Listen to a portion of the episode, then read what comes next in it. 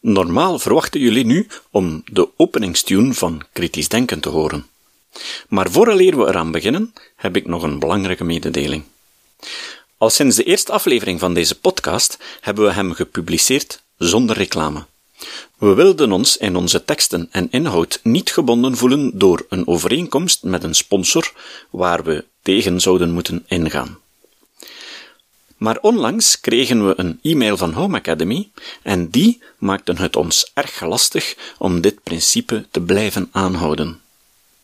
Ik heb namelijk veel sympathie voor deze kleine uitgever van hoorcolleges. Ik heb zelf in het verleden nog cd's van hen gekocht met lezingen zoals Filosofen van de 20e eeuw en Wetenschap versus religie van Herman Philipsen of het hoorcollege Kritisch denken van Johan Braakman. Home Academy verkoopt ondertussen al lang geen cd's meer. Maar hun hoorcolleges kan je online downloaden of beluisteren met hun app op uw smartphone. Na veel denken en raadvragen aan enkele goede vrienden, heb ik uiteindelijk beslist om alleen voor Home Academy een uitzondering te maken. Ten slotte zijn hun hoorcolleges erg in lijn met de onderwerpen uit deze podcast. Met de Home Academy Club luister je onbeperkt naar hoorcolleges, waar en wanneer je wil. Geschiedenis, filosofie, natuurwetenschappen en meer, met sprekers zoals Herman Philipsen, Johan Braakman en Jean-Paul van Bendegem. Streaming op je computer en offline op mobiel en tablet met een app. Als luisteraar van de podcast Kritisch Denken ontvang je nu één maand gratis lidmaatschap zonder enige verplichting. Ga daarvoor naar homeacademy.nl dus home-academy.nl. Kies bij het lid worden voor de optie Clublid met code en vul daar de volgende code in. KD 2019. De details kan je ook vinden in de notitiepagina van deze aflevering. Goeiedag, het is vandaag zondag 6 januari 2019. Ik ben Jozef van Giel en dit is de 366ste aflevering van deze podcast. Vandaag horen jullie een tekst van Patrick Vermeeren en Tom Speelman over de nieuwe trend om big data te gebruiken in de human resource wereld. Een link naar de originele tekst vind je op de notitiepagina's. Big data in HR, een typisch geval van dustbowl-empiricisme. Patrick Vermeeren en Tom Speelman. Oktober 2014. Big data en HR analytics zijn hot. De laatste maanden boomt een nieuwe hype binnen HR. Het gebruik van big data om betekenisvolle uitkomsten te voorspellen, zoals toekomstige prestaties, risico's op vrijwillig ontslag enzovoort. Big data is de term die men gebruikt om een verzameling data die enorm groot en vaak ongestructureerd en complex zijn en die tot op heden niet werden gebruikt of niet konden worden gebruikt omdat de software database management systemen deze simpelweg niet konden behappen. Big data analyses worden al gebruikt in een aantal domeinen zoals de distributie, om klanten te segmenteren en gebeurtenissen of veranderingen in hun leven te ontdekken. Zo kunnen ze vrij accuraat afleiden uit het koopgedrag of iemand recent een kind kreeg, helpen ze bij weersvoorspellingen en in de fysica. Bijvoorbeeld het verwerken van miljoenen data van sensoren van de Large Hadron Collider van CERN in Genève. Merk daarbij op dat in de meeste gevallen big data wordt gebruikt voor detectie, terwijl we in HR vooral claims horen over predictie. Voorspellen. In het experiment van CERN bijvoorbeeld was het Engler-Broe Higgs-deeltje reeds voorspeld en ging men op zoek naar bewijzen in de gigantische hoeveelheid data, detectie, die het experiment met de deeltjesversneller opleverde. Bijna alle aanbieders voor het verwerken van uw big data, business analytics, beweren dat ze evidence-based werken, waardoor ze alleszins bij een aantal mensen aan geloofwaardigheid winnen. Evidence-based begint immers stilaan te gelden als een autoriteitsargument. Maar is dat echt zo? Ten slotte zijn de meesten zuivere IT-bedrijven waarin geen psychometrici of statistici met kennis van de problemen van willekeurige verbanden in de sociale wetenschappen werken. In elk geval dat borstgeklop met alle grote claims over big data en de voorspelkracht die moet leiden tot betere beslissingen, deden onze alarmbellen rinkelen en we konden ons niet ontdoen van de gedachte dat dit wel eens een typisch geval van dust bowl empiricism zou kunnen zijn, en dus begonnen we met onze speurtocht. Een conferentie van AHRI in Melbourne, Australian Human Resources Institute, het grootste Hager-instituut in Australië, eind augustus 2014 bood een perfecte gelegenheid om een en ander uit te zoeken.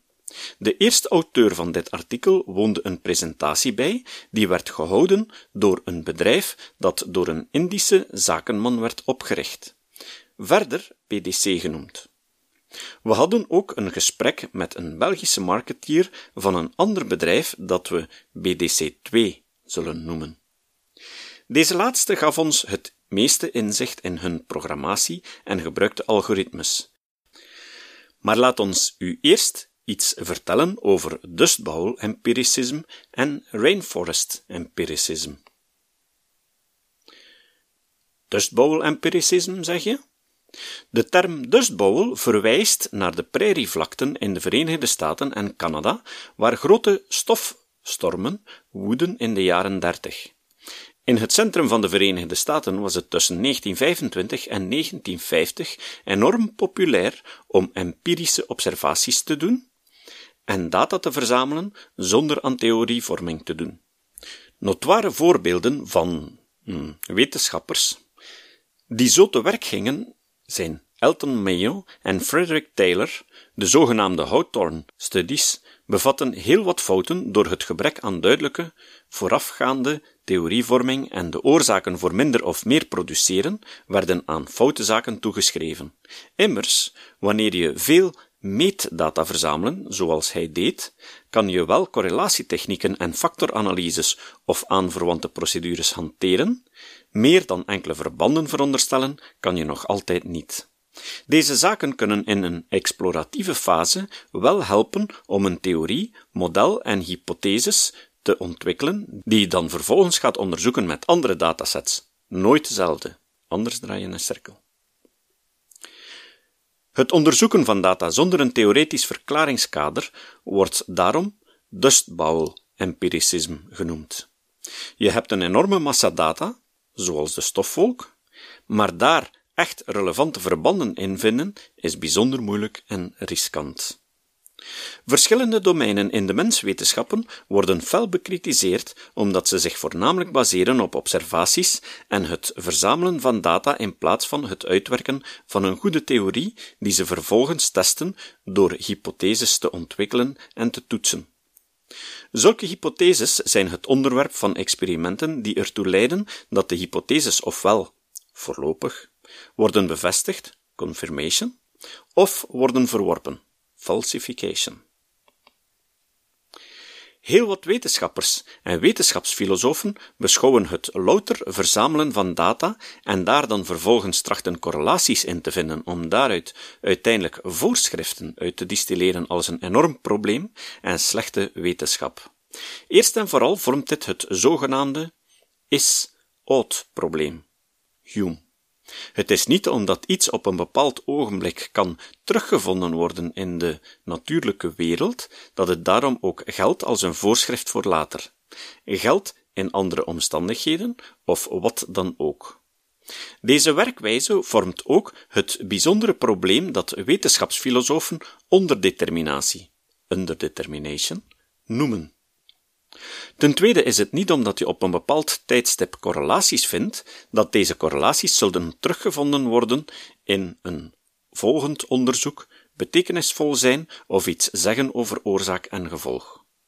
Integendeel, hoe meer data, hoe waarschijnlijker het is dat je willekeurige correlaties vindt en dat je andere correlaties mist. Dit laatste is onderdeterminatie of het idee dat de gevonden bewijzen evidence, niet volstaan om ons te helpen begrijpen wat deze nu eigenlijk betekenen. Het is dus niet de feiten of data die problematisch zijn, het is de relatie tussen de feiten die we menen te zien die problematisch is. Die neiging tot het trachten te ontwaren van correlaties is een goed bestudeerd facet van onze menselijke psychologie. Wij zijn correlatie en verklaring zoekende wezens. Een typisch voorbeeld van dust-bowl-empiricisme kan de bovenstaande definitie helpen te duiden.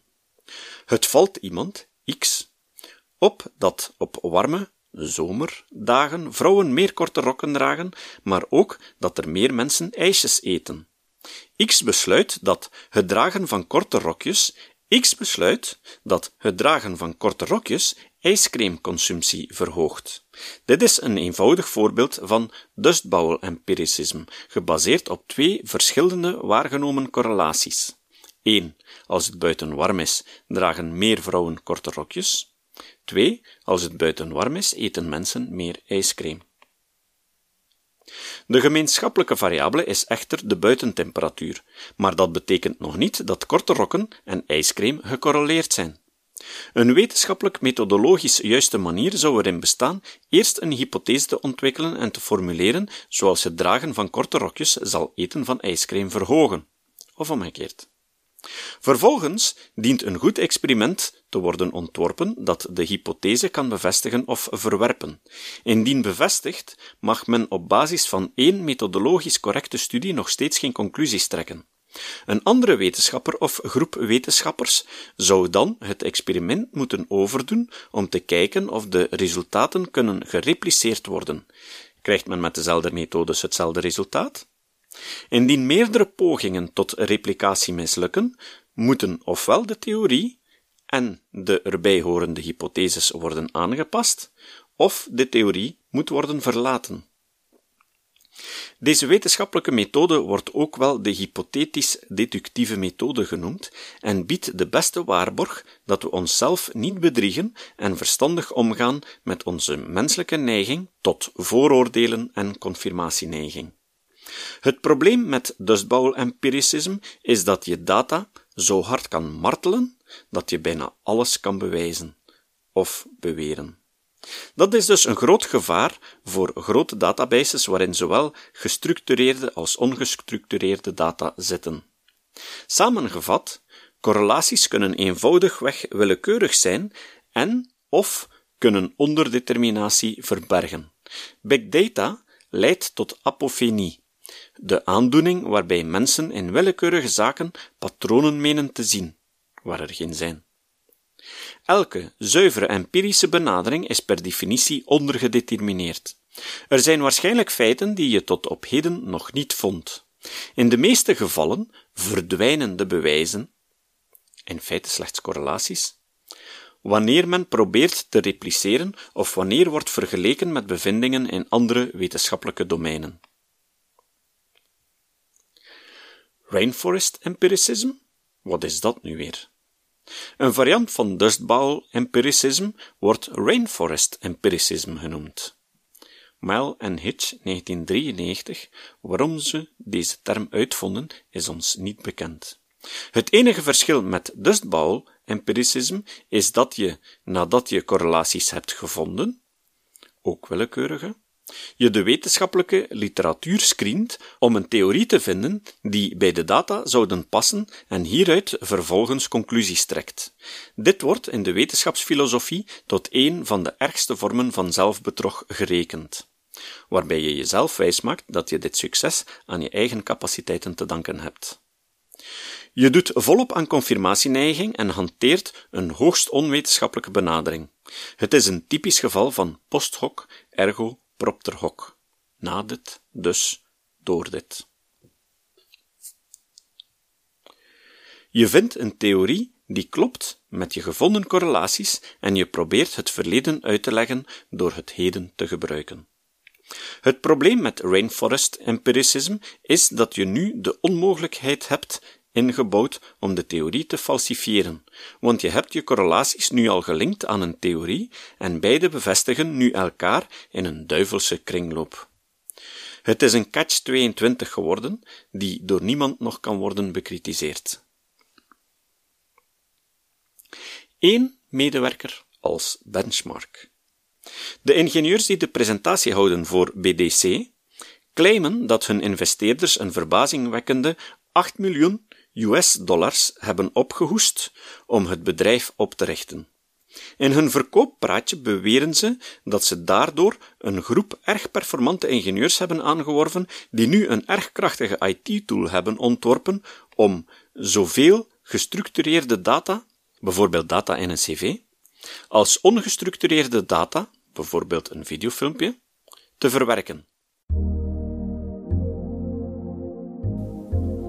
Opmerking. Deze uitleg van gestructureerde en ongestructureerde data klopt niet. Gestructureerde data is data die in databases zit en waarvan men voor elk gegeven weet waar het voor staat. Bijvoorbeeld, in een database waar persoonlijke gegevens staan, zit de stad waar de persoon woont steeds in hetzelfde veld in de database voor elk record. Ongestructureerde data is vrije tekst. Een dagboek of een blogtekst op een website is ongestructureerde data. Ook een cv is ongestructureerde data. Elke cv kan er anders uitzien. Als je in een blog wil uitvissen waar de blogger woont, dan zal je alle woorden in die blog moeten analyseren en uitzoeken of deze overeenkomen met de naam van een stad. Als je zo'n stad vindt in die blog, zal je de zin waarin het gebruikt wordt moeten interpreteren om te weten of het over de stad gaat waar de blogger woont, of een stad waar hij geweest is, of gewoon een stad waar hij over wil vertellen. Video's, foto's en audio zijn natuurlijk ook ongestructureerde data.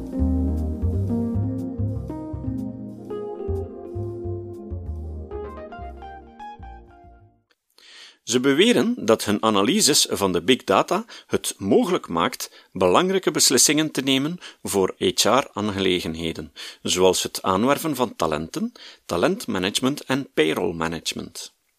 BDC stelde dat organisaties heel wat ruwe data hebben, waarvan de meeste ongestructureerd zijn, en dat dit een echte goudmijn is.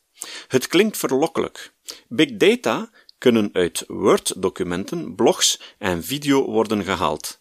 Dit wordt dan door hen vertaald in begrijpelijke taal, wat dat ook mogen betekenen. Het hoeft niet te verwonderen dat deze taal enkel door hun ingenieurs wordt gesproken.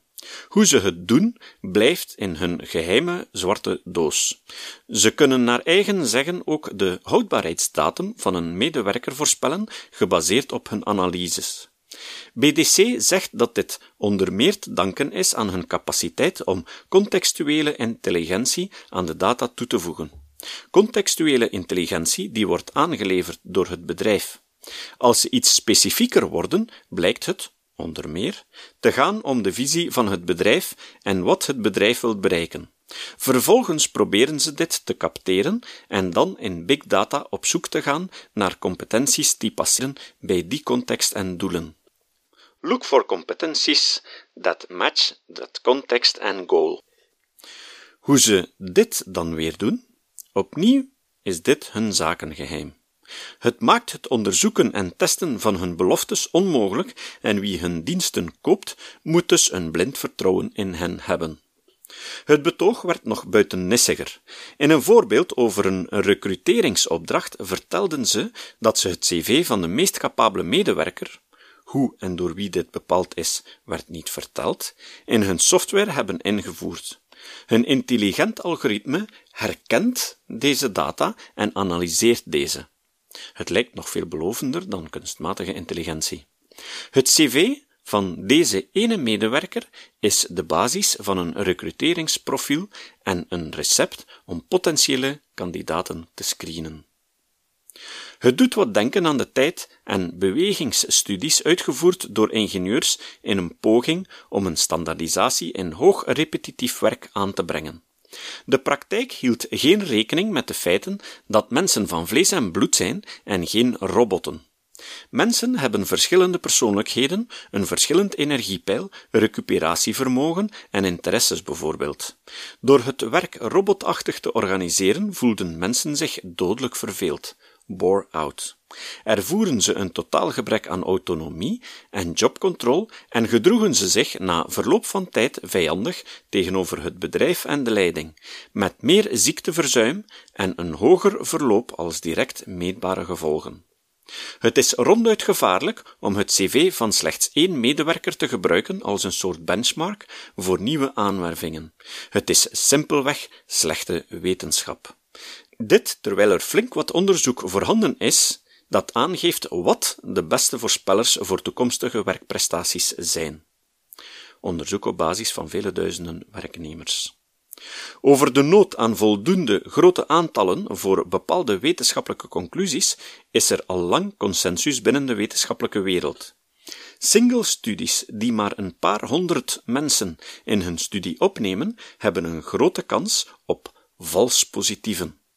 Vervolgstudies, replicatiestudies, systematische reviews zoals meta-analyses bieden grotere statistische zekerheden. Kritisch denken ten aanzien van BDC. Er werden wat vragen gesteld aan de ingenieurs van BDC die de presentaties hielden. Het werd al snel duidelijk dat ze geen idee hadden van problemen zoals dust empiricisme of willekeurige correlaties, maar erger nog, het bleek al snel dat deze chief programmers geen idee hadden welke goede voorspellers door psychologisch onderzoek binnen de bedrijfspsychologie werden geïdentificeerd. Gevraagd naar predictieve validiteit, voorspelkracht van hun modellen, algoritmes of software gaven ze toe dat ze nog niet over dergelijke data beschikten, maar dat ze er weldra zouden komen. Hadden ze net niet beweerd dat ze nu al bedrijven konden helpen in het nemen van betere beslissingen? Lichtgelovige kopers kunnen niet anders dan betreurenswaardige beslissingen nemen als je het ons vraagt. Geconfronteerd met de uitdagende stelling dat wat ze deden fel leek op dustbouwempiricisme, luidde hun verdediging dat het aan de klant was om de juiste contextinformatie te leveren. Eerder door hen contextuele intelligentie genoemd. En dat zij alleen maar de vertaler van de informatie zijn. Met andere woorden, ultiem is het de klant die de verantwoordelijkheid draagt als de voorspellingen slecht zijn. We drongen aan en vroegen hoe ze op dit ogenblik dan betere recruteringsresultaten konden voorspellen. Ze herhaalden dat ze nog geen predicatieve validatiestudies hadden gedaan, maar dat het ondertussen kon helpen om een selectie te maken tussen veel curriculum vitae. Onverstoord vervolgden ze met een voorbeeld van een bedrijf dat let op de ronde getallen, 200 nieuwe mensen moesten aanwerven en meer dan 25.000 cv's te verwerken kreeg naar aanleiding van een advertentie in een krant. BDC voerde de cv's in hun softwareprogramma en maakte binnen de twee weken een selectie, shift, tot slechts 400 cv's, wat veel meer behapbaar was voor de recruteerders. Maar wacht eens even. Indien BDC niet weet hoe predictief hun criteria om te ziften zijn, hoe kan je dan beweren dat je accuraat hebt gezift? Wij zijn er redelijk sterk van overtuigd dat je de kwaliteit van hun werk niet kan nagaan, deels omdat hun software een echte zwarte doos lijkt die ze zorgvuldig verbergen. Ze zaten niet om een straffe uitspraak verlegen. BDC beweerde dat dankzij hun software bedrijven uit de VS minder legale problemen hebben, omdat je kan bewijzen dat je niet discrimineerde op basis van geslacht, minderheidsgroepen enzovoort. Naar hun mening is er geen bias op basis van huidskleur, ras, religie enzovoort. Wat voor ons de deur helemaal dicht deed en hun geloofwaardigheid tot nul herleidde, was dat ze zeiden dat hun systeem extreme modulatie toeliet en dat de klant om het even welke data kan inbrengen, zoals data van MBTI of PAPI test. Dit is een enorm probleem. Laat ons kort het voorbeeld van MBTI nemen. Een test die al meermaals werd bekritiseerd door ons, de theorie van Jung over archetypes is complete nonsens. Het gaat om archetypes die zich in een parallel universum bevinden, die via een soort paranormaal proces zich in ons collectieve geheugen nestelen en waartoe we onbewust toegang hebben, gemengd met een aantal psychoanalytische concepten. 2. Er zijn vele problemen met de test, lage test-hertestbetrouwbaarheid, ipsatief karakter enzovoort. Maar als klap op de vuurpijl, 3 waarschuwt de uitgever van MBTI zelf dat de test nooit mag gebruikt worden in een recruteringscontext wegens onvoldoende betrouwbaar. We kunnen dus ook simpelweg concluderen: als je rommel in je algoritme stopt, kan je er alleen maar rommel uitkrijgen. Garbage in, garbage out. En dan hadden we het nog niet over de vele gevaren van het overtreden van de wetgeving op de bescherming van de persoonlijke levenssfeer, waar zoveel auteurs voor waarschuwen. Ik schreef mijn eigen algoritme. Zoals reeds eerder gesteld, viel het op hoe weinig deze bedrijven afwisten over wetenschappelijke bevindingen in het domein van de arbeidspsychologie. Daarom dat bedrijven als BDC zonder schaamte durven stellen dat ze engagement bij medewerkers meten aan de hand van volgende eigen criteria. Heeft de medewerker al eens voor een andere interne job gesolliciteerd? Zijn ze lang genoeg in dezelfde job gebleven? Hebben ze al aan opleidingen deelgenomen? Deze drie criteria worden gebruikt in een scoringsmechanisme. Hun algoritme dat ze hiervoor schreven is uiteraard geheim. Toevallig werkte een Belg als marketingdirecteur voor het andere bedrijf, BDC2, en vonden we hem bereid om de softwaremodules te demonstreren. Ook hier stelden we gaandeweg methodologische vragen, zoals: Waar verkreeg je je wetenschappelijke informatie? Wie betaalde het algoritme? En welke wetenschappelijke basis had dit algoritme? Het mag geen verrassing heten dat we ook hier vaststelden dat een aantal IT-ingenieurs het algoritme zelf hadden geschreven, zonder dat ze volgens de marketingdirecteur ook maar één wetenschappelijk artikel hadden geconsulteerd. In hun retentiemodule demonstreerden ze nogthans de indicator vertrekrisico, departure risk. Het risiconiveau werd uitgedrukt met een kleurcode. Rood is hoog risico. Geconfronteerd met onze methodologische vragen, en steeds kritischer wordende blik wellicht, haastte deze marketingman om te zeggen dat het slechts om een advies ging, geen voorspelling. Na stevig aandringen, maar waarom? Gaf de man uiteindelijk toe dat de term advies werd gekozen om zichzelf in te dekken tegen juridische vervolging. Het is duidelijk, ze gebruiken hun eigen gokcriteria om algoritmes te schrijven, ook voor hun andere indicator, engagement. Gaf de man van BDC2 toe dat het hier ook om giswerk ging. Ook hier ontbrak elk besef dat er wetenschappelijke bevindingen zijn die hen zouden kunnen helpen om nauwkeuriger engagement te voorspellen. Het echte probleem. Het mogen duidelijk zijn, het gaat niet om de data zelf, noch om hun volume die het probleem vormen. Het is de interpretatie ervan die tot problemen leidt. Interpretatie van feiten is nooit objectief. Ieder mens, ook de wetenschap, moet data interpreteren en daar zit de kwetsbaarheid. Het interpretatieproces is onderhevig aan subjectiviteit en oordeelsvorming. Bias. Nogmaals, correlaties vinden in data is één zaak, ze zinvol interpreteren is een andere. Het verhaal van BDC en BDC2 laten zien hoe subjectief zij te werk gingen en, veel erger, geen rekening hielden met de reeds bestaande wetenschappelijke bevindingen. Ze schenen ook niet te weten dat wetenschap een methode is die in het leven werd geroepen, juist om te voorkomen dat we onszelf bedriegen en ten prooi vallen aan overinterpretatie, vooroordelen, confirmatieneiging enzovoort. Problemen waar wetenschappers altijd beducht moeten voor zijn, maar de sociale wetenschappers nog veel meer. Ben Goldacre, de Britse dokter die een knuppel in het medische en farmaceutische hoenderhok wierp, stelde in zijn boek Bad Science het volgende. This breaks a cardinal rule of any research involving statistics. You cannot find your hypothesis in your results. Before you go to your data with your statistical tool, you have to have a specific hypothesis to test. If your hypothesis comes from analyzing the data, then there is no sense in analyzing the same data again to confirm it. Of vertaald.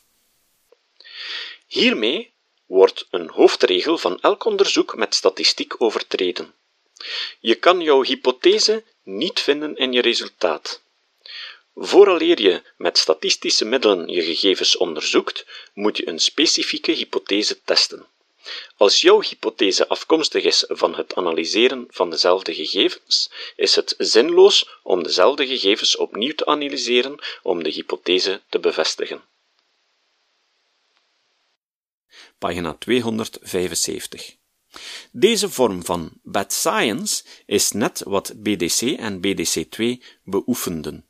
En wellicht nog heel wat meer bedrijven. Dit zijn erg zorgwekkende vaststellingen en dit zou ons moeten alert en kritisch maken tegenover andere big data of HR analytics aanbieders. Maar al te vaak denken bijvoorbeeld journalisten in de HR-media dat als er statistiek mee gemoeid is, het dan evidence-based is. Niet noodzakelijk. Wel in tegendeel zelfs in dit geval. Beter dan wetenschappers. De meest hilarische bewering, nou ja, in onze ogen, kwam van BDC. We have determined a measure of success based on 16,000 employees. This measure allows to measure the final contribution to the top line of businesses. This is something researchers were not able to do so far. They can make direct links, but not provide the kind of intelligence we can provide. Of vertaald. We hebben een succesgraad bepaald op basis van 16.000 werknemers. Deze meting stelt ons in staat om hun financiële bijdrage aan de omzet van het bedrijf te meten. Dit is iets wat onderzoekers tot nu toe niet konden. Ze konden direct links maken, maar boden niet het soort intelligentie dat wij kunnen bieden. We durven te hopen dat we een beetje hebben bijgedragen tot meer alertheid en een kritische houding tegenover de beweringen van genialiteit en overtrokken beloftes waarop de big data bedrijven een patent lijken op te hebben. Patrick Vermeeren is voorzitter van de VZW Evidence-Based HRM. Tom Speelman is filosoof en HR-consulent. Het citaat. Het citaat van vandaag komt van Anders Ericsson. Ericsson onderzoekt methoden die het leerproces verbeteren. Hij ontwikkelde het model van deliberate practice door te onderzoeken hoe experts hun niveau van kunde bereiken. Ericsson zei Oefenen betekent heel veel mislukken tot je op een bepaald ogenblik je doel bereikt. Tot de volgende keer. Deze podcast is het resultaat van het werk van veel mensen. Rick de Laat verbetert bijna al mijn teksten en maakt de meeste vertalingen.